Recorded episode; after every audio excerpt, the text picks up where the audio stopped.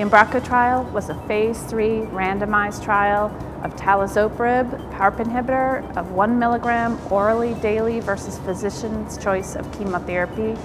The rationale was to look in patients with ER positive or triple negative, uh, but HER2/neu negative breast cancer who also had a BRCA germline mutation.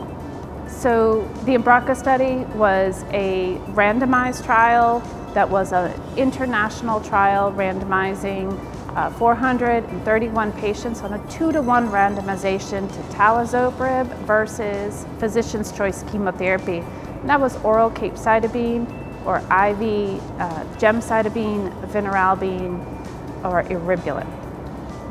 So the main results of the Embraca trial did show a statistically significant improvement in progression-free survival of women who received talazoparib versus physician's choice chemotherapy. In addition, we did do an interim overall survival analysis, but only 51% of the events uh, uh, were achieved at that point. And although the hazard ratio uh, did favor talazoparib, the data is still immature. The interesting thing of that was that the curve at the, at the end of the Kaplan-Meier curve started to separate. And there are a significant higher percentage of patients still actively on the talazoparib arm at this time, as well as in ongoing survivor follow-up compared to physician's choice.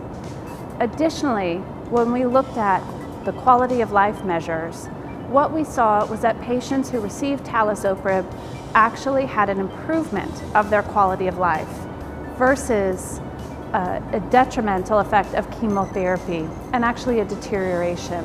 And we see a significant difference in the time to uh, deterioration of health in the patients who received talazoparib versus physician's choice chemotherapy.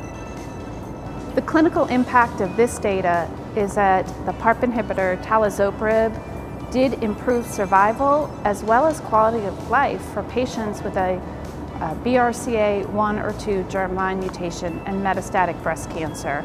I think therefore it provides an exciting new oral option, once daily dosing for patients with metastatic cancer.